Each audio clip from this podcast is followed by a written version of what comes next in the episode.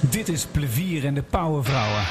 De podcast voor vrouwen en mannen die stappen willen zetten naar slim leiderschap. En vandaag zijn dit de Powervrouwen.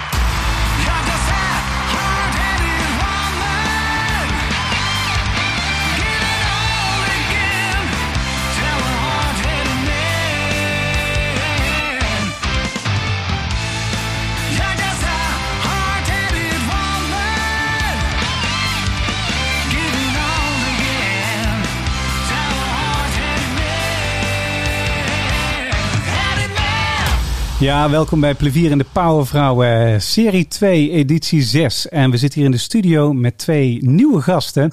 Marjolein Tasje, die gaat zich zo voor eens voorstellen. En Monique Boeg, welkom dat jullie er zijn. Heb je er zin in? Zeker weten. Ja, heel erg. Ja, Ja, gaaf. Want we hebben een heel mooi programma. Voor als je nog nooit hebt gekeken, het doel van Plevierende Powervrouwen is zorgen dat we rolmodellen in beeld brengen om eh, meer inspirerende leiders in de wereld te krijgen, in Nederland te krijgen. Want ik gun op dit moment gewoon Nederland en de wereld een beetje betere, inspirerende leiders met een mooie visie, meer standvastigheid, eh, meer empowerment van eh, mensen in de omgeving. Ehm, beide dames zijn voorbeelden van inspirerende leiders. Ik heb ook in de voorgesprekken met hun gesproken eh, wie ze zijn en wat ze doen. En ze hebben echt eh, een gave visie te vertellen. Dat gaan ze ook in deze podcast doen. Dat doen we door middel van eh, werkvormen. We hebben zeven werkvormen en ik kies daar een melange uit van welke we gaan doen. Soms dan komen we tijdens een gesprek op een bepaald punt en dan denk ik, hé, hey, wacht, we gaan even springen. Ik ga naar werkvorm 6, want die past hier perfect bij en dan doen we dat ook. Terwijl de dames die werkvormen ondergaan, kun je als luisteraar gewoon luisteren naar wat ze vertellen. Daar leer je heel veel van. staan. En het doel is dat je je eigen leiderschap daarmee kan ontwikkelen. Maar je kan natuurlijk zelf ook meedoen met de werkvormen, hoe je zelf daarin zou staan. En ook daarvan leren. Dat is hartstikke leuk om te doen. We hebben ongeveer 45 minuutjes de tijd en uh, daarmee doorlopen we het programma. Mocht je naar aanleiding van deze podcast uh, vragen hebben, dan kun je die sturen naar info.innerspective.nl. En dan zorg ik ervoor dat uh, de vragen bij de dames terechtkomen. Dat ik even hoor van wat aanvullend hun visie erop is. Dus we gaan beginnen. En dat doen we als vanouds met uh, de Guilty Pleasure Music. Uh, en de Guilty Pleasure Music is natuurlijk een song waar de dames iets mee hebben. Wat hun inspireert of raakt of wat hun een bepaalde boodschap heeft. En de eerste die ik ga spelen, dat is een Golden Oldie van Monique Boeg. En ik heb, ja, ik heb die zelf heel vaak gespeeld, moet ik zeggen. En ook vaak gezongen. Eye of the Tiger van Survivor.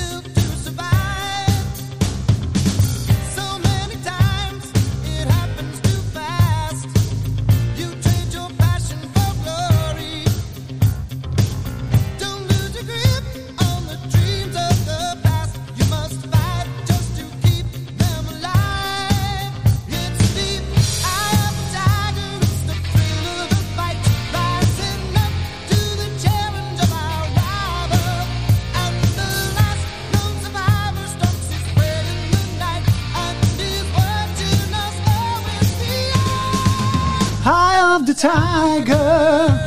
Ja, dus, dat is echt uh, Golden Oldie dit, hè? Uit de tijd van, uh, even kijken, dit was uh, Rocky, denk ik, hè?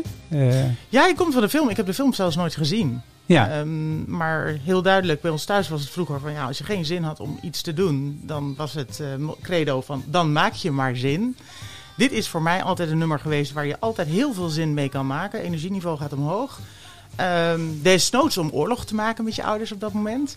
En uh, later, hij, is, ja, hij is gewoon heel lekker, maar hij is later ook bijgebleven. En wat ik heel mooi vind, uh, Change Your Passion for Glory. En um, ja, dat, dat, dat thema kom je tegen op een gegeven moment. En bij jezelf blijven. Wat is nou echt je passie? En wat, is, uh, wat doe je eigenlijk voor de buitenkant? Ja. Ja, en, en jouw thema is moed om te verduurzamen vanuit het bestaande. Ja. Ja, Ja. vertel eens. Nou ja, ik, ik werk in de industrie. Altijd gedaan. Vind ik heel erg leuk. Ja. Eh, ook een technische achtergrond, technische universiteit gedaan. En ehm, als je nieuw begint, is dat heel erg lastig. Maar er zit er nog een extra complexiteit op, zeg maar, als je binnen een eh, bestaand bedrijf zit. En zeker oudere bedrijven, omdat je eh, geïnvesteerde asset base hebt. Omdat daar een bepaald financieel model mee samenhangt van hoe je dat bekijkt. Daar zit natuurlijk ook cultuur van de mensen in, hoe je dingen doet. Dus op het moment dat je wil gaan verduurzamen, kun je niet alleen sleutelen aan, ehm, nou, we willen het ecologisch gaan doen. Eh, je zit ook vaak niet in een geitenwolle sokken omgeving, om zo te zeggen. Nou, ben ik daar ook niet van. Maar, ehm, maar het zijn wel mensen die echt die kanteling door moeten. Daarom vind ik ook zeg maar, het, het, het op kunnen schalen. Dat verhaal van Michael Porter vind ik heel erg mooi. Van eh, hoe maak je dingen nou schaalbaar? Dus hoe praat je over duurzaamheid in termen van eh, sustainability, ook in finance en, en sociaal gezien. En op alle drie die facetten moet je ook schakelen. Ja, En dat vraagt een, een verandering en dat vraagt ook moed. Eh, dat vraagt ook eh, het kunnen managen van hoe snel zou je willen gaan ja. eh, versus hoe snel kan je eigenlijk gaan. ja en, en de huidige functie waar je nu in zit is bij Freudenberg Plastics. Wat, wat, wat, is, wat is je rol, zeg maar? Ehm Freudenberg heeft een aantal, aantal companies. Een van daarvan is, is, is High Performance Materials. Ehm, en eh, daar ben ik eh, Senior Vice President voor CFN SMEA. Dus een van onze eh, divisies die met name voor carpets, daar staat de C ook voor. Ja. Fil- filters, filtratie. Nou, zeker met corona hebben we er allemaal mee te maken gehad, denk Ja, ik. zeker. Ja. En, en shoe. En dat is met name sneakers, zeg maar, waar, waar spullen in gaan. Ja, ja en, en ja, jullie gaan verduurzamen. Er is echt, voor die industrie is dat, kan ik me voorstellen, best wel een challenge. Ja, ze zijn al wel heel lang bezig. Dus het is Ja. echt, echt een journey, zeg maar, elke Ja. stap. Ehm, het leuke van Freudenberg is ook, het is een familiebedrijf. Ja, Familie is, eh, zit niet meer in het, het operationeel management, maar is, is zeg maar aandeelhouder. En die hebben daar zelf echt een hele sterke drive op. Dus die komen ook gewoon met een target op een gegeven moment dat ze zeggen van, nou ja, de 25% eh, CO2-reductie moet gehaald Ja. worden. En ehm, ja, het is natuurlijk heel eh, energie-intensief. Eh, plastics, zeg maar, eh, extruderen en, en, en versmelten. Ehm, ja, er zit in, in plastics natuurlijk ook veel ehm, aan, aan recyclability. Ja. Dat is niet simpel, want plastic is geen plastic. nee. Eh, dus daar zit zoveel onderscheid in en, en aan performance, eh, hoe je dat allemaal goed krijgt. Maar ja, dat zijn wel de projecten ehm, waar ook langzaam maar zeker steeds meer mensen enthousiast over worden. Ja. Dat is wel eh, dat is leuk om te zien. En heel veel klanten van ons natuurlijk daar ook wel specifiek naar vragen. Ja, zeker. Ja. ja, dat kan ik me wel voorstellen. En wa- wat probeer je, wat, wat probeer je in je huidige rol in deze tijd eh, neer te zetten als leider? Het is de connectie. Ik werk eigenlijk heel erg vanuit de driehoek, waarop je op alle punten een element hebt staan. Op Ja. een van de punten staat het ik. En, en niet ik als Monique, maar, maar ik als het individu. Ja, Op het andere punt staat ehm, de, eigenlijk de wij. Dus wat bindt ons nou? En op de, op de derde punt staat het, de organisatie zelf. Dat is een beetje de, de hardwerkkant, zou je Ja. kunnen zeggen. En dan, eh, wat ik wel aardig vind, is, is dan kijk ik naar de verbinding tussen ik en wij. Dat, dat is met name zeg maar, eh, de betrokkenheid die je van mensen hebt. Tussen ik en eh, het. En dan kom je natuurlijk ook op het verduurzamen. Dat is vaak de purpose. Zo Ja. van, van waarom doen we het nou eigenlijk? Ruilen we tijd voor, gel- of, of tijd voor geld of, of, of doen we iets groters dan dat? Nou ja, dan, dan om, het, om de driehoek af te maken tussen het en wij zitten de procedures. Eigenlijk het meest saaie stuk. Is wel praktisch om dat goed eh, georganiseerd te hebben. ja, Nou, en als je kijkt naar verduurzamen, dan, dan moet je heel duidelijk, denk ik, op van hoe sta ik nou in de wereld. Je merkt ook dat, ehm, dat mensen daar zelf ook op aanspreekbaar zijn. In Duits hebben ze een heel mooi woord, vind ik, enkelveeg. Dus, dus heb je het nou eh, toekomstbestendig voor je kleinkinderen gemaakt, je, Ja. je enkel. Ja. Ehm, en, ehm, ja, en, en hoe staan wij daar dan in? En, en wat betekent dat dan voor het, het voor het bedrijf? ja. Dat is een beetje ook hoe eh, data-analyse werkt. Hè? Dat is tegenwoordig zo in. Hè? Dus alle data boven water krijgen over patiënten, over, over je klanten, over leveranciers of grondstoffen, noem maar op. Eh, van, je, je hebt kwalitatieve data in de vorm van eh, gesprekken die je voert met iedereen en onderzoeken die je doet en dat soort dingen. Kwantitatieve data, alles wat je kan meten, breng je boven water. Je kijkt misschien nog even naar je collega's wat die hebben. En dan breng je samen en dan denk je, oké, welk gedrag willen we realiseren? Hoe gaan we dat dan inregelen, plannen en wat zullen we dan voor beslissingen gaan nemen in de toekomst? Eh, zijn jullie daar ook al, ook al ver in, zeg maar? Nou, dus, er zit... ehm, ten eerste praten wij natuurlijk nooit over conculega's, maar het is gewoon concurrent. Concurrent, oké. maar ehm, nou, di- dit onderwerp is weinig data. We maken natuurlijk heel veel data over heel veel verschillende dingen. Maar hier praat je eigenlijk wat meer over toch... ehm, er zit natuurlijk data in, in de harde kant, zou Ja. ik wel zeggen. Ik geloof heel erg aan het startpunt zit in de zachte kant. Wat willen we nou neerzetten? Ja, Nou, zijn we ook bezig geweest met sustainability beleid. Dan merk je in eerste instantie, daar is nog niet zo heel veel oog voor. Er waren veel financiële uitdagingen. ja, zeker. En, en toch probeer je dat dan via de zijkant wel warm te gaan lopen, zodanig dat je op een gegeven moment opschakelen kan. En, en daar zit ook het spanningsveld in van hoe hard wil je en hoe hard kun je. Kun je Ja. het allemaal mee? Kan het binnen de bestaande eh, constructie van je organisatie, Ja. van, van de mensen? Ehm, en, dat, dat is, en dat vind ik heel leuk. Het is een ontdekkingsreis die je samen doet. Het is niet dat je een doelstelling neerzet en zegt van ehm, dit gaan we regelen. Uiteindelijk komt die er natuurlijk. Maar, maar het aftasten zeg maar, van waar staan we nou? Waar kunnen we iedereen nou warm voor krijgen? En wat betekent dat dan? Ehm, ja, welke aanpassingen heb je dan nodig? En dat betekent soms dat je met sustainability dus eigenlijk eerder aan een andere kant moet beginnen. Misschien het financiële systeem. Om te zorgen dat iedereen eh, niet alleen kijkt naar, naar mogelijkheden en return on investment. Maar ook heel vaak een stukje cost avoidance. Ja. Heel erg ehm, pijnlijk aan de ene kant is natuurlijk de energieprijs die nu omhoog gaat. Ja, Ehm, het geeft ook wel weer een soort van breekijzer om, eh, om, om het volgende niveau binnen te gaan. ja, ja, ja, dat klopt. Ja. Ik had eh, toevallig eh, vandaag een directeur van Vattenval aan de telefoon. Ik zei zo, challenge jongen, voor jou deze tijd. Hij zei, Wout, het is een challenge.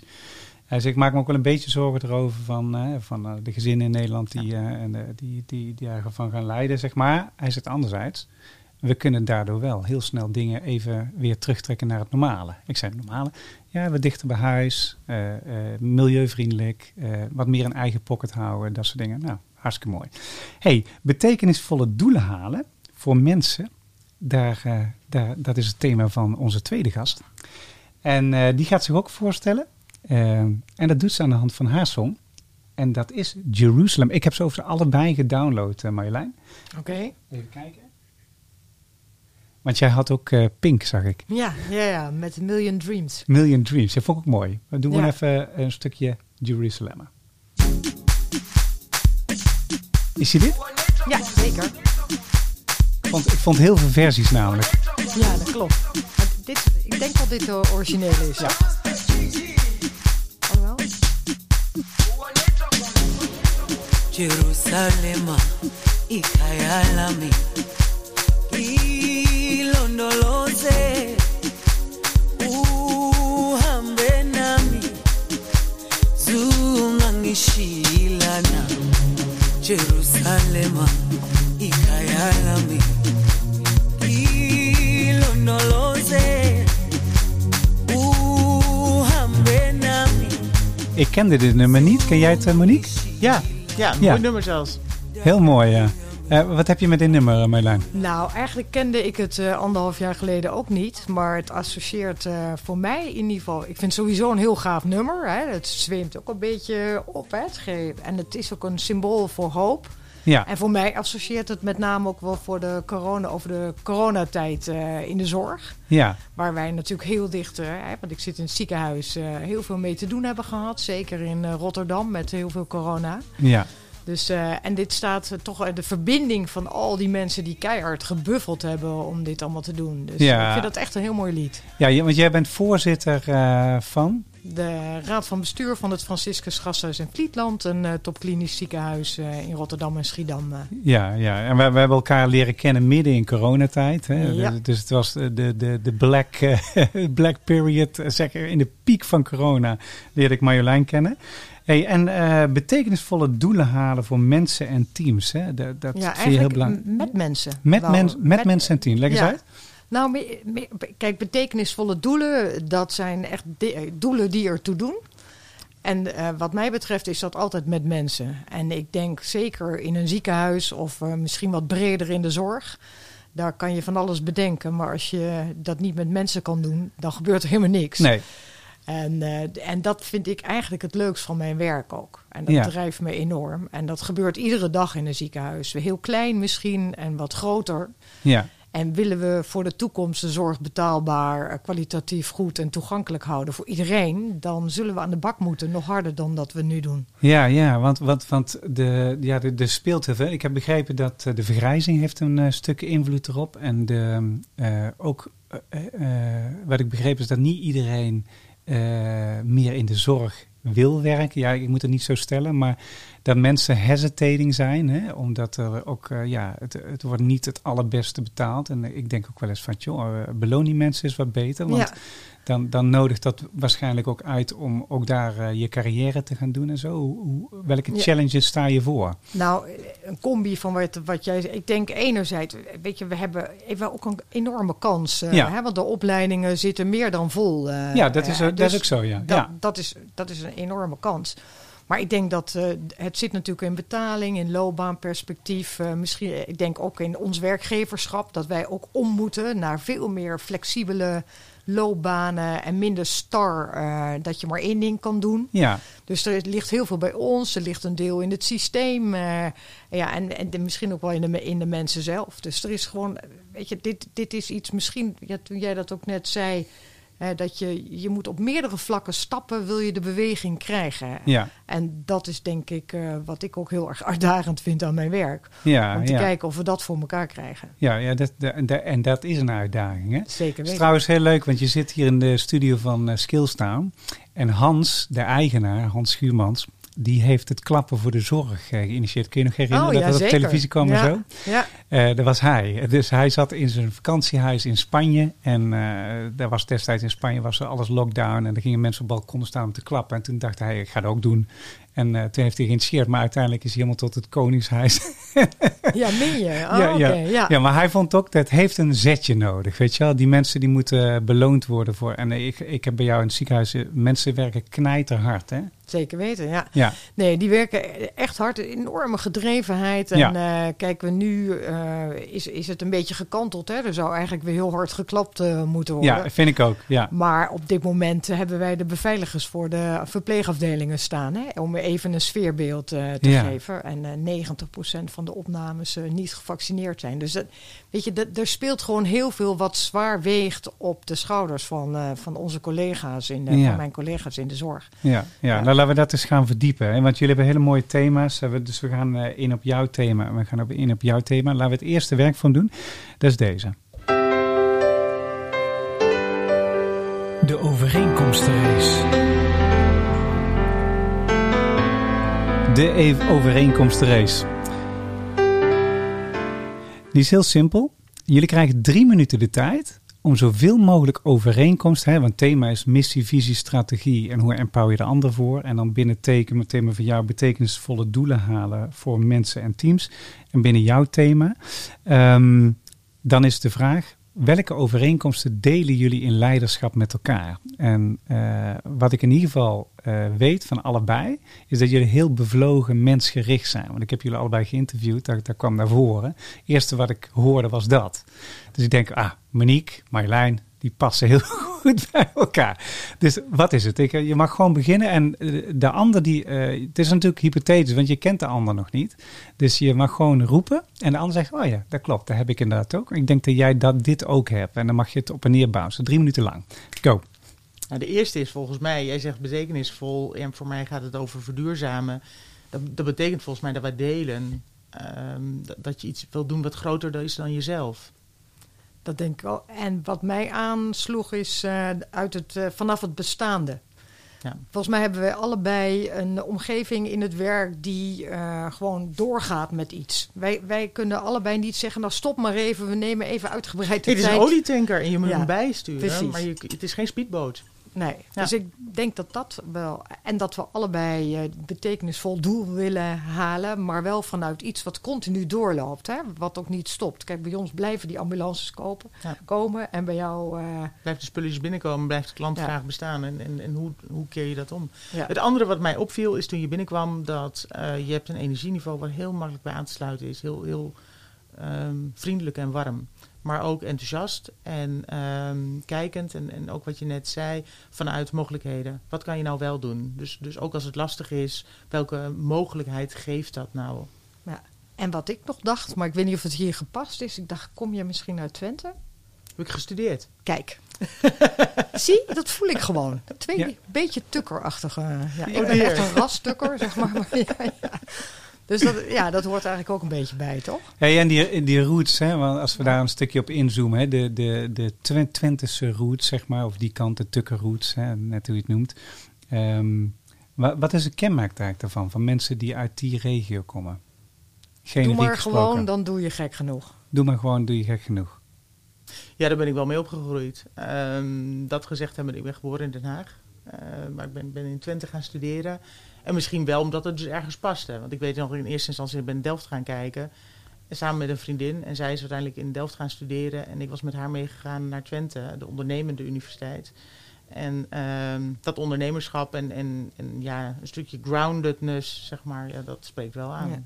Dus dat heb ik Ja, en ik had het ook wel toen Monique net zei van dat je thuis was opgevoed van nou heb je geen zin, dan maak je maar zin. Dat past ook wel een beetje Ja. erbij, denk ik. Hey, en, ehm, want als je het zo... ehm, even kijken, kun je dat nog één keer herhalen? Als je geen zin hebt, dan maak je maar zin. Daar begon Monique Oh ja, mee. ja, dat, dat, ja. Toen dacht ik, oh, dat herken ik ook wel eigenlijk. Ja. Een soort van pragmatisme. En, en dat is nog steeds heel, heel bruikbaar. En ik denk ook dat als ik kijk naar het ziekenhuis als buitenstaander zijnde, dan denk ik van ja, wanneer ga je nou in een ziekenhuis werken? Dan ga je daar volgens mij werken als je iets voor mensen wil doen wat betekenisvol is per definitie.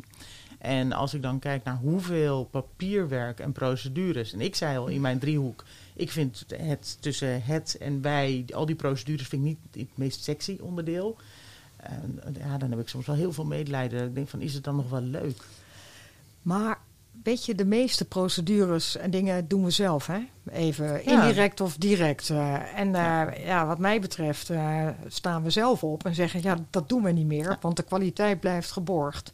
Maar heel veel professionals zitten zelf de Nou, regels zit te er ook vaak in vast. Ja. Dus, eh, en waarom zijn wij niet genoeg in staat om zelf te zeggen... nou, wij gaan het vanaf nu zo doen. En inspectie, kom maar meekijken. Want uiteindelijk maakt de inspectie niet eens de meeste regels... of de verzekeraars, maar dat zijn we echt zelf.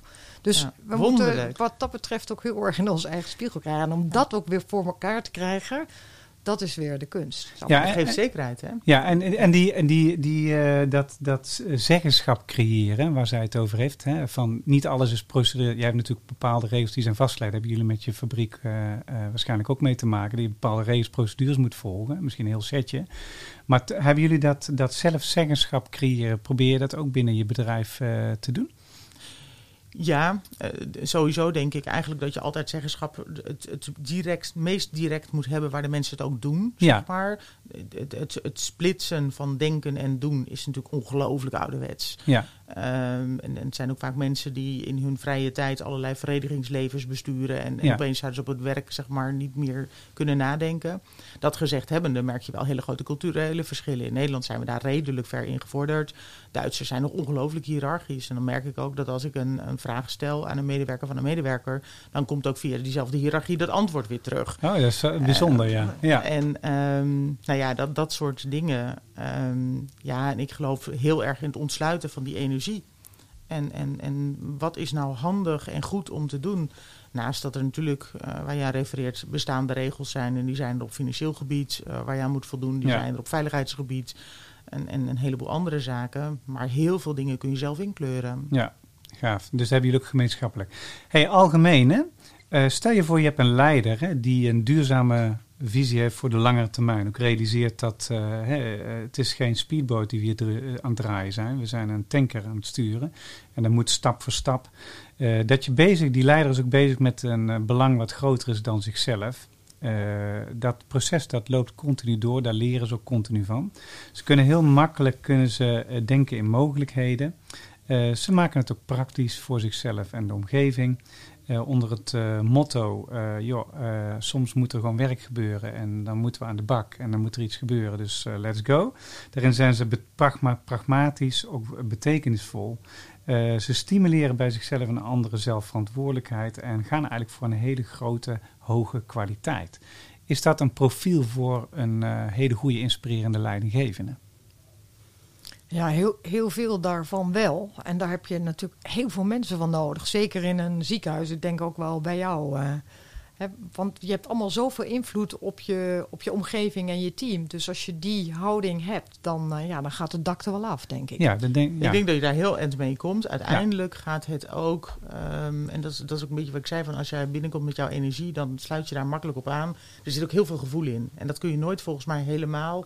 En, en dat hebben we ook afgelopen tijd natuurlijk in corona gezien. Heel veel dingen kun je via een videoscherm, heel veel dingen kun je via een telefoon op afstand regelen. Uiteindelijk blijft er ook dat fa- facet over van voelt het nou? Voelt het, ehm, als iemand jou iets zegt, is het dan zeg maar de derde eh, hoe heet het, pagina, eh, alinea 2 eh, rechtsonder uit het boek geleerd? Of, of, of, of, of is het doorleefd? En ik denk dat dat wel heel belangrijk is. Mensen die het doorleefd hebben, die ook naast je kunnen gaan staan als het niet goed gaat. En, ehm, ja, en dan samen kunnen zitten met een kop thee erbij, bij wijze van spreken van oké, wat hebben we er nu concreet van geleerd? Wat gaan we daar nou de volgende keer anders mee doen? Ja, ja. ja ze, ze hebben in Harvard hebben ze een onderzoek gedaan naar eh, het nieuwe leiderschap. Hè? Dus dat is heel grappig. Vorig jaar hadden ze een, een onderzoek gedaan eh, naar het leiderschap in, in crisistijd. Er is geen één leider die een crisisplan had klaar had liggen voor dit. Dat, eh, de, de, daar bleek ook uit dat, dat ze uit andere bronnen moesten gaan putten. Ze konden het niet meer uit zichzelf halen. Ze moesten het uit de hele organisatie halen. Dus, eh, dus ze moesten, zelfs al zou er een stagiaire zijn met een goed idee, daar moet naar geluisterd worden, want het zou zomaar het goede idee kunnen zijn. En eh, die zeven eigenschappen die zitten heel erg in het zelfbewustzijn, het langere scope hebben, steady zijn, eh, betrouwbaar. Ook als je fout hebt gemaakt, gewoon durven toegeven dat je een fout hebt gemaakt. En dat dat gebaseerd was daarop, daarop, dat nu het eh, pa- patroon veranderd is en dat, dat het daarom belangrijk is die kant op te gaan. Dat ook. Maar ook daar ownership in nemen. Heel, heel simpel. En dat hoor ik bij jullie ook terug. Ja, is zo belangrijk, denk ik. Ja, zeker. En dat eigenaarschap is niet altijd zelf doen, maar wel zorgen dat je de juiste mensen Ja. om je heen hebt. En die vooral heel veel laten bepalen. Ja. En tegelijkertijd heel sensitief blijven op wat gebeurt er om ons, om ons heen, zeg maar. Ja, gaaf. En eigenaarschap zit voor mij altijd heel erg wie zorgt dat het goed komt. En, en dat sluit aan bij wat je zegt. Je hoeft het niet zelf te doen. Maar er moet wel iemand zijn die zorgt dat het goed Ja. komt. Ja, hoort daar een specifiek profiel bij, zeg maar, van mensen die dat beter kunnen dan andere mensen? Of, of hoe doen jullie dat? Hoe, hoe zetten jullie talent erop in? Hebben jullie mensen om je heen bijvoorbeeld, eh, eh, als je bijvoorbeeld, stel je voor je bent daar niet goed in, eh, heb je dan iemand naast je lopen die dat heel goed kan? Ik weet niet of dit per se een, een, een specifiek talent... Ik denk dat je om, omgevingsbewust moet zijn. Je moet weten wat daar speelt. Ja. Je moet daarbij betrokken kunnen zijn. En je Ja. moet wel een zekere mate van ruggengraat hebben. Ja. Want dat betekent dus ook dat er gaan gewoon dingen fout. Ja, En, en ik geloof heel erg dat als het fout gegaan is... kun je het maar beter op tafel leggen en bespreekbaar maken. Anders krijg je het gewoon niet opgelost. ja, Dat is wel, eh, ook daarvoor speelt, speelt wel een stuk cultuur. eh, is iets wat ik heel erg geleerd heb in, in de Amerikaanse setting. Amerikanen zijn ook wat makkelijker met fouten maken en herstellen dan Nederlanders. Dat, dat, dat, dat zult wat langer met zich mee. Dat helpt niet. Ehm, ja, en, en ik denk dat voor een ziekenhuis dat vergelijkbaar geldt. Ja. Het heeft denk ik ook wel een beetje te maken met eh, wie staat erop, hè? En zie je dat? ja, Dus het is een, ja, het is een interactie, eh, denk ik. Zeker in zo'n eh, niet voorziene crisis waarvan niemand het draaiboek eh, had. ja. En dat je ook soms denkt van wow, hey, die, die staat op en ik zie dat. Dus eh, die hebben we nu ook nodig. Dus het, ja, het is een interactie, denk ik. Vandaar dat, dat sensitieve... dat Je moet blijven kijken wat gebeurt er eh, precies. En wie, Ja. hebben, wie hebben we nu nodig? En wie bijt zich erin vast? ja, ja dat, dat is heel belangrijk, ja. En ook gisteren- naar jezelf. Want wat Ja. ik merk is dat juist als je het op afstand gaat doen... bij default spreek je nog wel met je collega's, je leidinggevende... je de direct reports, zeg maar. Andere mensen raken per definitie op iets meer afstand... die normaal gesproken bij de koffie eh, spreekt. En, en, eh, dus daar, daar moet je... eh, of tenminste, daar liep ik tegenaan... Dat, dat je na een maand op een gegeven moment denkt van... ik, ik moet tijd gaan inplannen om gewoon eens mensen te bellen... ehm, voor een babbeltje. Om, om de informatie te verrijken, maar ook de connectie te blijven houden. Anders wordt het te ja, instrumenteel bijna, te plat. ja, Snap ik, denk ik, voor coronatijd. Bij ons werd het in coronatijd juist hechter. Hè? Wij waren er eigenlijk nog meer dan anders. eh, en Jullie waren dat, dat maakte al dat je nog dichter naar elkaar... Hoe, hoe loopt het nou daar? Even daar kijken. Dus En, en wat, wat was het effect daarvan? Dat, dat jullie in de zorg zeg maar zo eh, naar elkaar toe kropen? zeg Maar, want jullie hadden ook bakken met werk. te we hadden bak, verrichten. maar, maar juist die, eh, het dichter, nog dichter op elkaar zitten... van wat gebeurt er nu echt op de spoedeisende hulp? Ja. Hoe staan die ambulances voor de deur? Wat gebeurt er op de IC? Wat gebeurt er op de kliniek? Hoe, welke dokters lopen waar? En wie kunnen er nog meer helpen om dat de echte hooggespecialiseerde professionals eh, wat verdunder hun werk kunnen doen. Ja. Ik denk dat wij die periode echt veel compacter nog zijn eh, geworden daarin. Ik Ja, denk dat jullie crisis er ook anders uitgezien heeft. bij jullie kwam die als een golf over je heen. En bij ons is het een soort van, van bijna een crisis in vertraging. Hmm. Waarbij je kan, aan de ene kant natuurlijk wel de vraag die op een gegeven moment afnam. Nou, kwam toch wel weer redelijk snel terug. Maar dan zie je dat mensen bijna uit elkaar vallen. En hoe hou je ze nou bij elkaar? Ja, dus dat, eh, Ja. dat teamverband wordt dan belangrijk. Hey, la- laten we eens een stukje verdiepen op de leiderschap, want dat vind ik wel interessant. Het vrije interview over leiderschap, inspiratie, samenwerking, vitaliteit en succes.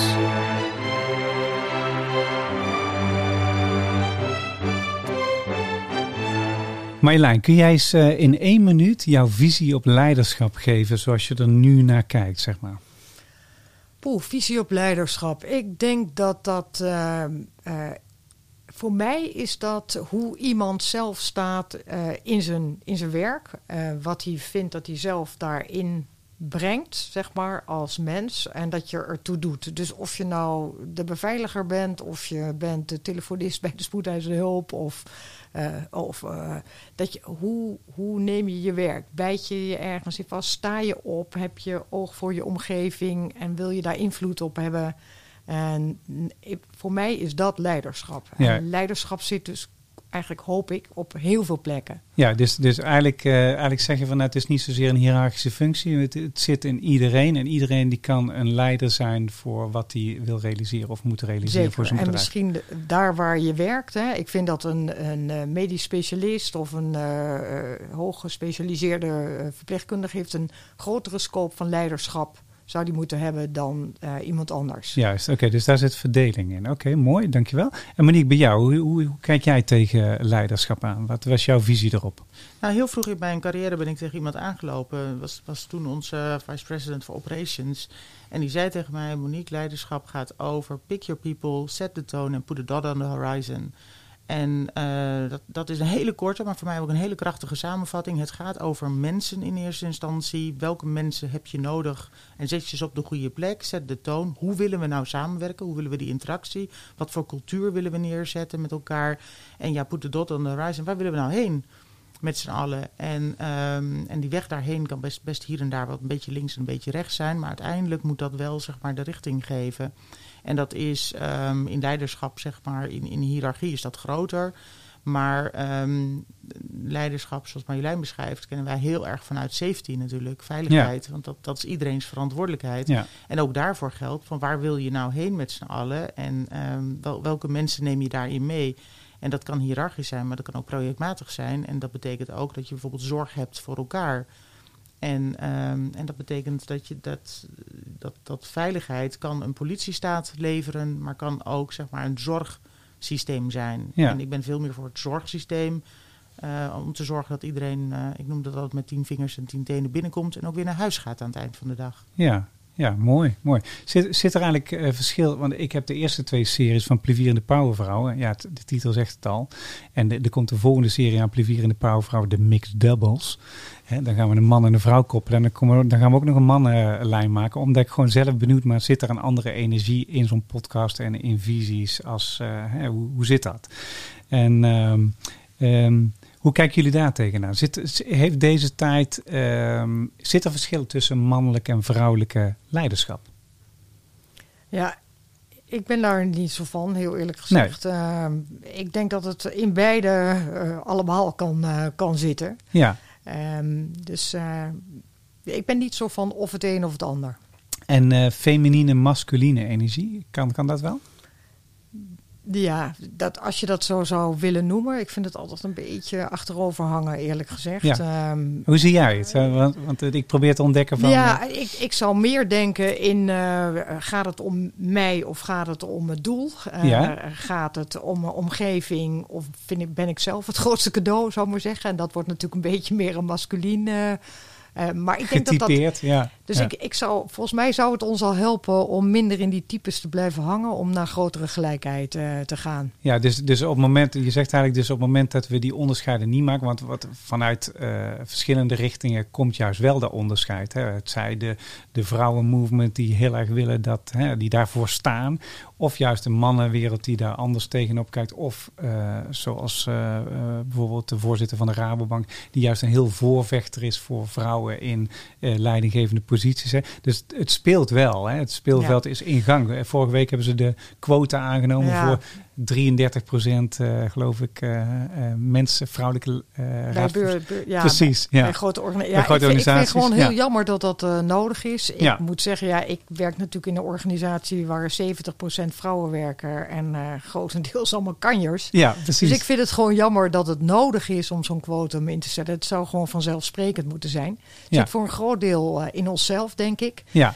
Ik nog, ik zat bij de Erasmus Universiteit. Dan mocht ik in zo'n klasje van eh, oh, oké. En daar heb ik echt een leer, als dat even mag, eh, van een Ja, ja, eh, doe. Ja. hoogleraar genderstudies. eh en die, heeft, die begon met ons en die zei: Dames, hou twee dingen in je gedachten. Wij doen namelijk twee dingen altijd verkeerd. Eén, als er een enorme mooie kans is waarvoor je gevraagd wordt, gaan wij altijd eerst even dubben. Zo van: Nou, ik weet niet of ik dat ben. Hè.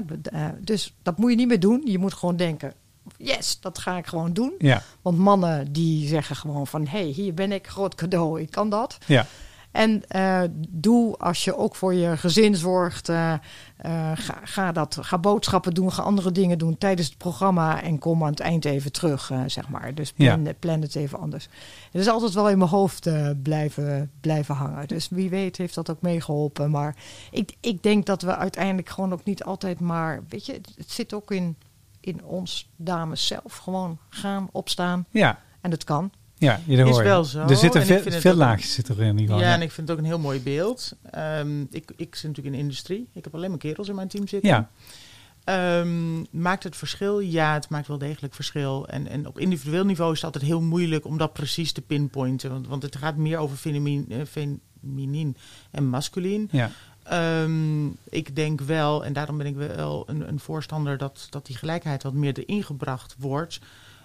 Dat je structuren nodig hebt die beide kunnen supporten. En die structuren zijn op dit moment niet bepaald supportive voor vrouwen. ja, In, in de samenleving zie je dat breed. Ehm, en, en heel concreet, een medewerker van mij, op een gegeven moment eh, zeiden mensen van, nou ja, die is niet zo heel erg ambitieus, want die had niet iets naar voren gebracht. Ik zei, nou, ik heb daar toch een ander beeld bij. En als je dan in gesprek gaat, komt er dus ook wat meer. En dat sluit een beetje op dat, dat eerste onderwerp aan.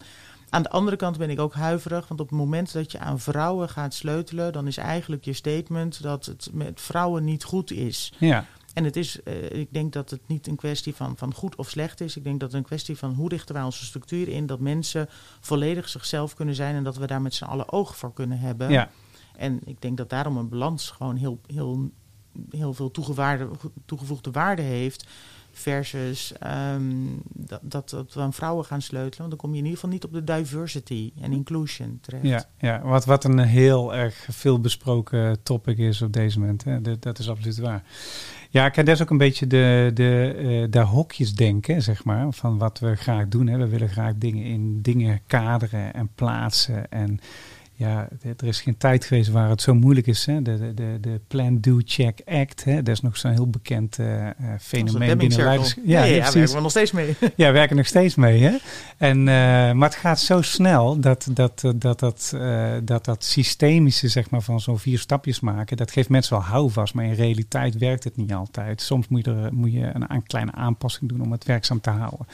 En dat is natuurlijk misschien ook wel met, met mens zijn. Hè? Want uiteindelijk als je mensen zou vragen van, we, eh, we stimuleren gewoon de beste mensen op de beste plek, die daar de beste job kan vervullen voor ons samen, zodat we het resultaat samen kunnen bereiken. Nou, dat is hartstikke. Ik denk dat iedereen er ja op zegt.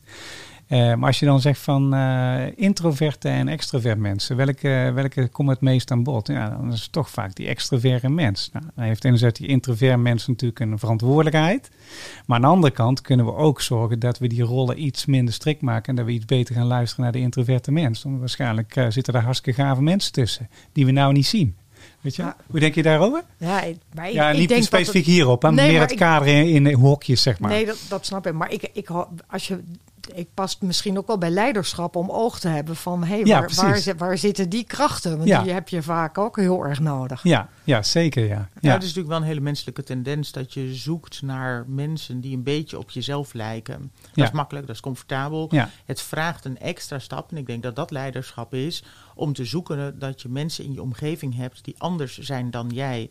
En daar is gender één eh, facet van. Daar is eh, de achtergrond waaruit je komt, eh, de opleiding die je hebt, de visie op de wereld die je hebt, zijn andere aspecten.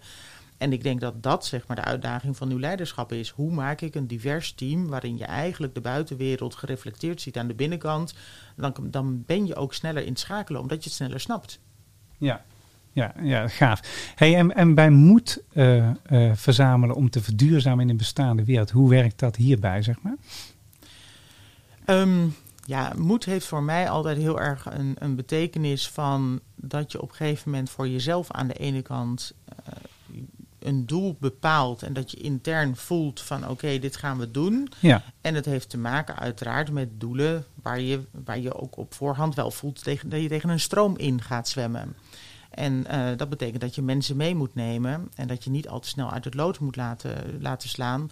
En soms betekent dat heel hard duwen en soms betekent dat een bom op tafel gooien en soms betekent dat mensen verleiden. En, en al dat gereedschap probeer je in te zetten ehm, in de context van eh, een goede leider loopt twee stappen vooruit. Als je één stap vooruit loopt, dan voeg je niet zoveel waarde toe. Als je drie stappen vooruit loopt, dan verklaren de mensen je voor gek. ja, Dus dat is ook steeds dat aftasten.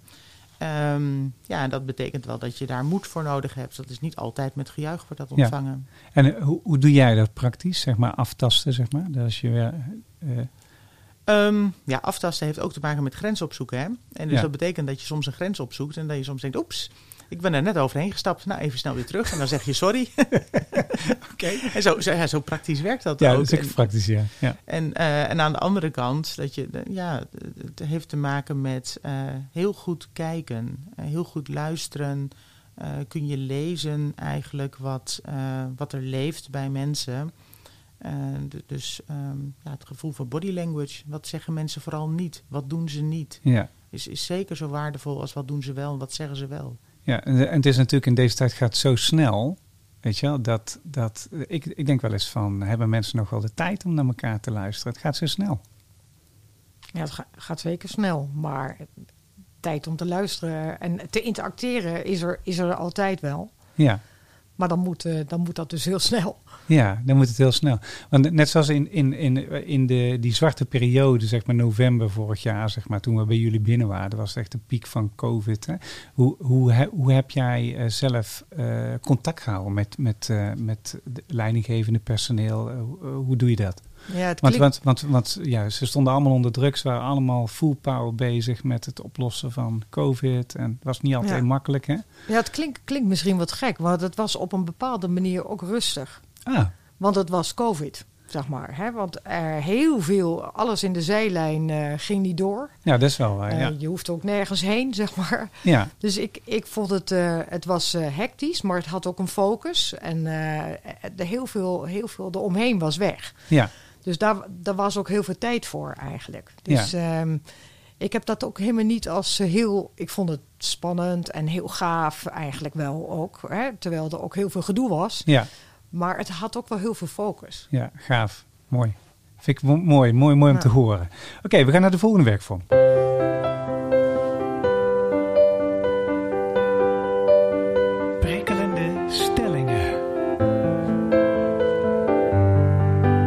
Prikkelende stellingen. Er zijn eh, drie uit wetenschappelijk onderzoek is gebleken dat er eh, 33 paradoxen zijn die elke leider en organisatie meemaakt in deze tijd. En wat ik doe is ik zet twee stellingen tegenover elkaar. En natuurlijk, eh, beide zijn waar. Weet je wel, het is net welk, vanuit welk perspectief je het bekijkt. Maar je moet kiezen tussen één. En, eh, dus ik ga je vragen, ik leg hem voor. En je moet kiezen tussen de linker of de rechter. En verklaren wat vanuit nu dit standpunt eh, jouw keuze is en waarom je daarvoor kiest. Klaar voor? Zeker. Monique, eh, hard skill of soft skill? Soft skill. Wa- waarom? Heel veel hard skill kun je automatiseren, kun je digitaliseren. Ehm, we hebben heel veel opleiding gehad. Ik zie het ook aan mijn kinderen.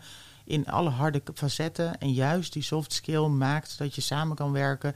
Juist die soft skill zijn dingen die je niet kan automatiseren. En waar we eigenlijk bijzonder weinig aandacht voor hebben. Maar wat ons denk ik wel eh, tot mens maakt. Mooi. Oké, volgende. Intuïtief of zintuigelijk naar de wereld kijken? Dus eh, sensitief feitelijk of intuïtief? Ja, intuïtief. Ik Ja, vind hem wel lastig hoor. Moest ook even denken. ja leg eens uit. Ik denk dat we, wat mij betreft, intuïtief, omdat eh, ik ervan overtuigd ben dat mensen vaak eh, gewoon vanuit die intuïtie het eh, goede zullen doen. En misschien dat we daar meer naar moeten luisteren en dan ook een stap te zetten in die richting. Dat vind ik mooi. En jij? Ehm, ja, ik zou- geloof altijd dat kiezen? intuïtie is, is, is in mijn optiek altijd heel veel ervaringen die je in een patroon plaatst, waardoor je heel snel kan kiezen. Ja, Dus, dus ehm, natuurlijk doe je ook zintuigelijk, maar uiteindelijk is intuïtie voor mij waar het samenkomt. En ehm dat is wel ook iets wat ik in mijn carrière heb moeten leren. In het begin dat je zegt van ja, het voelt niet goed. En dan zeg je dat toch niet echt aan een vergadertafel. En eh, ik heb moet echt moeten leren en, en eh, heb ook geleerd. En dat, dat heeft heel veel waarde. Dat ik soms gewoon zeg, ik zeg het voelt niet goed. Ik heb een paar dagen nodig om erover na te denken. Ik kom erop terug. oké, mooi. Teamgericht sturen of individueel zelf verantwoordelijk maken? Oeh, ik kies toch even voor individueel verantwoordelijk maken. Ja, leg eens uit. Omdat toch uiteindelijk, ook, ook met dat opstaan, wie bijt zich erin vast? Dat ik vind dat dat toch ook wel bij individuen moet horen. Ja, Kijk, iets in een team leggen, eh, hard, daar moet het wel gebeuren. Maar uiteindelijk wil je toch dat één iemand zegt: Ja, ik ga daarvoor samen met heel veel anderen. ja, ja. ja. Ze- dit, dit, het is natuurlijk het ik-tijdperk, hè? Ja, en ik kom daar ook direct tegen die grenzen aan. Hè? Want alles wat je zelf kiest, heeft impact op een ander. Ja, En ehm, dus, dus het een gaat ook letterlijk niet zonder de ander. Vandaar dat het natuurlijk een mooi dilemma is. ja, Ehm, ik, ik deel wel eh, het statement. eh, individuele verantwoordelijkheid vind ik ongelooflijk belangrijk. Maar die verantwoordelijkheid reikt verder dan jouzelf. En ik denk dat, dat daar ook dat stukje team wel in terugkomt. Eh, dus het spijt me, ik kies niet helemaal. je kiest niet. Goed. En, de- en dat is je goed recht, dat mag natuurlijk. Hey, gevoelsmatig beslissen of rationeel afwegen. Oeh, dat ligt heel erg aan het vraagstuk. Eh, ze hebben op een gegeven moment zelfs onderzoek gedaan. Dus alles wat ehm, minder complex is, daar kun je ratio heel goed op, laten, op loslaten. En, ehm, en alles wat heel erg complex is, kun je uiteindelijk het, het best aangetoond eh, gevoelsmatig kiezen. Vaak gaat daar natuurlijk wel het een en ander aan ratio vooraf, dat je, dat je het een en ander op papier zet. Ehm, dus het ligt heel erg aan het, eh, aan, aan het topic. Als ik kijk naar de meeste topics die ik voorbij zie komen, dan krijg ik dat natuurlijk al met data vaak op, op het bureau. Ja. Anders gaan we er niet eens over praten. En heb ik dus misschien ook wel een beetje de luxe positie dat het wat gevoelsmatiger kan. Ehm, dat gezegd hebbende, ik heb nog steeds een, een sticker op mijn laptop staan, eh, Talk Data to Me. Oh. En jij? Gevoelsmatig. Ja. Uiteindelijk, want ik had natuurlijk even de tijd, dat was fijn. Ja. Eh, maar ik heb in mijn vorige werk eh, hebben we op een ratio een grote beslissing genomen. Die enerzijds heel veel energie heeft gekost. En grote impact had op, eh, op, op grote organisaties en alle mensen die daarin werken. En dat dat uiteindelijk toch niks is geworden. En als ik zelf terugkrijg, denk ik, ja, eigenlijk moeten we bekennen dat de liefde er niet was. En Ja. het heeft dus ook niet gewerkt. Terwijl het rationeel fantastisch was. ja, en voel- voelde je van tevoren of had je... Ik, eigenlijk wist ik het wel. Ja, ja dat is echt frappant, hè? De, Het zijn vaak twee van die, van die vraagstukken. Hè? Je- sommige dingen moet je denk ik benaderen van eh, eerst zien, dan geloven. Er zijn ook thema's waarvan je het eerst moet geloven en dan zul je zien. En, en zeker in ondernemerschap is het natuurlijk een heel belangrijk thema. ja. Ja, ja, dat is, daar, het maakt heel veel energie los als je er echt in gelooft. Ja, daar herken ik ook, ja. ja dat, eh, het, eh, dat, dat, dat zet heel veel zet aan. Ja, Ja, En dan toch denk ik, als het qua data dan fantastisch is en je ziet dat die energie er niet is of misschien niet voldoende, dan heb je echt heel veel moed nodig om te zeggen, ah, ah toch, ik gooi nu Ja. toch even een boom op de weg en eh, we moeten het her... Of ik, hè, dat jij zegt van, ik weet het niet en we moeten daar tijd voor nemen. ja mooi. Ja, Mooi. maar- That's alright. Take you higher. That's alright. I'm gonna take you higher. De tip van de dag.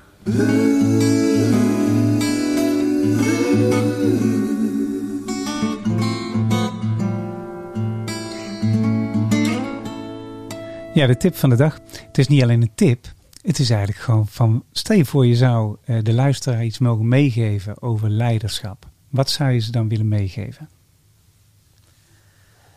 Sta op, doe wat je leuk vindt, geloof in jezelf. Ehm, het komt namelijk nooit uit. Dat, ik mag wel bij jonge dokters die een carrière gaan kiezen. Dan zeg ik ook vooral tegen de dames, jongens, gewoon doen, alles doen wat je wil. Het komt namelijk nooit uit, Ja. maar het komt vaak allemaal wel goed. Het komt vaak allemaal goed. Dat vind ik wel een mooie, ja. Ja, het is ook zo dat als je in de doestand komt en je gaat dingen uitproberen, krijg je meer resultaat. Als je meer resultaat krijgt, vind je vaak sneller de weg naar eh, de goede beslissingen. Zo werkt het ook. Ja, en jij Monique? Ja, kijken naar je mensen. Waar krijgen ze lichtjes van in hun ogen? En kun je dan vervolgens een setting genereren dat mensen succesvol kunnen zijn. En dat als het niet succesvol is, er geen ongelooflijke schade, het zij voor het bedrijf, maar ook voor de mensen zelf eh, is. En, maar uiteindelijk blijven het de pretlichtjes in de ogen. Ja, dus eh, zonder pretlikjes eh, geen, geen samenwerking, fijne samenwerking, geen... nee, dan, dat dan wordt het een moedje. Dan wordt het een moedje, ja. Stel je voor je hebt een, eh, een toverstaf en je zou morgen iets mogen veranderen wat een positieve invloed heeft op de wereld om ons heen. Wat zou dat zijn? Dan zou ik hopen dat we zeker ook in het politieke landschap een, een veel langere termijn dan onze vier jaar, waarvan ik soms af en toe het gevoel heb dat ze het eerste jaar aan het inwerken zijn. Als je mazzel hebt, zijn ze twee jaar aan het werk en het laatste jaar met verkiezingen bezig zijn. Want ik denk dat zeker verduurzaming, zowel sociaal als eh, ecologisch als financieel, een veel langere horizon vraagt Ja. dan vier jaar. Ja, dus het ver- vergt steadiness in visie Ja. en, en zorgen dat je daarvoor... Ja, dat vind ik wel een hele mooie. En jij eh, Marjolein? En dan zou ik mijn toverstafje nu gebruiken om eh, extra te investeren in onderwijs, politie, zorg. Gewoon om de basale bodem van onze maatschappij te versterken. En ook om de toekomstige tweedeling die toch dreigt eh, te voorkomen. Ja, nou, daar kan ik helemaal bij aansluiten. Prachtige visies. Dank jullie wel. Vonden jullie het leuk? Hartstikke heel leuk, ja. Dankjewel. Ja, gra- dankjewel voor jullie komst. Want je kan eh, stellen, kijk, eh, leiderschap, duurzaam leiderschap, dat vergt gewoon visie. En eh, dat gaat niet altijd op een hoge snelheid, als je het maar op de lange termijn doet met goede hart voor de wereld om ons heen. Dat betekent ook dat je als leider dus eh, goed sensitief met je mensen in gesprek moet blijven. Daar kun je uit data halen, maar je kan het zeker uit eh, de mensen halen, uit hun talenten, door gewoon gesprekken met ze te voeren van wat leeft er nou. En je hebt het niet altijd bij de hand. Je hebt het niet altijd bij het goede eind. Maar fouten maken is oké, want van fouten leer je. En als je daar eh, over communiceert, hebben de meeste mensen er ook vaak begrip voor dat het eh, zo is. En zo empower je dus mensen. En, je hebt, en, en het laatste is, we hebben een beetje moed nodig af en toe om dat te doen. Daar kom ik ook achter bij jullie. Dus dank jullie wel voor jullie komst. Ik was, het was een eer om jullie in eh, de sessie te hebben. Ehm, we gaan eh, afsluiten zoals vanouds met de, Song for the People. We hebben in de volgende sessie, hebben we, eh, even kijken, eh Karien Vijfhuizen. Heel erg interessante gast. En we hebben Andriette Dobbelsteen, dus een onderneemster van DTR-vloeren. Eh, weer een heel mooi koppel, krachtige visies. Luister de volgende keer ook weer. Woensdag 7 uur sharp zijn we weer live. Dankjewel dames, maak een fijn weekend dadelijk. En tot de volgende keer.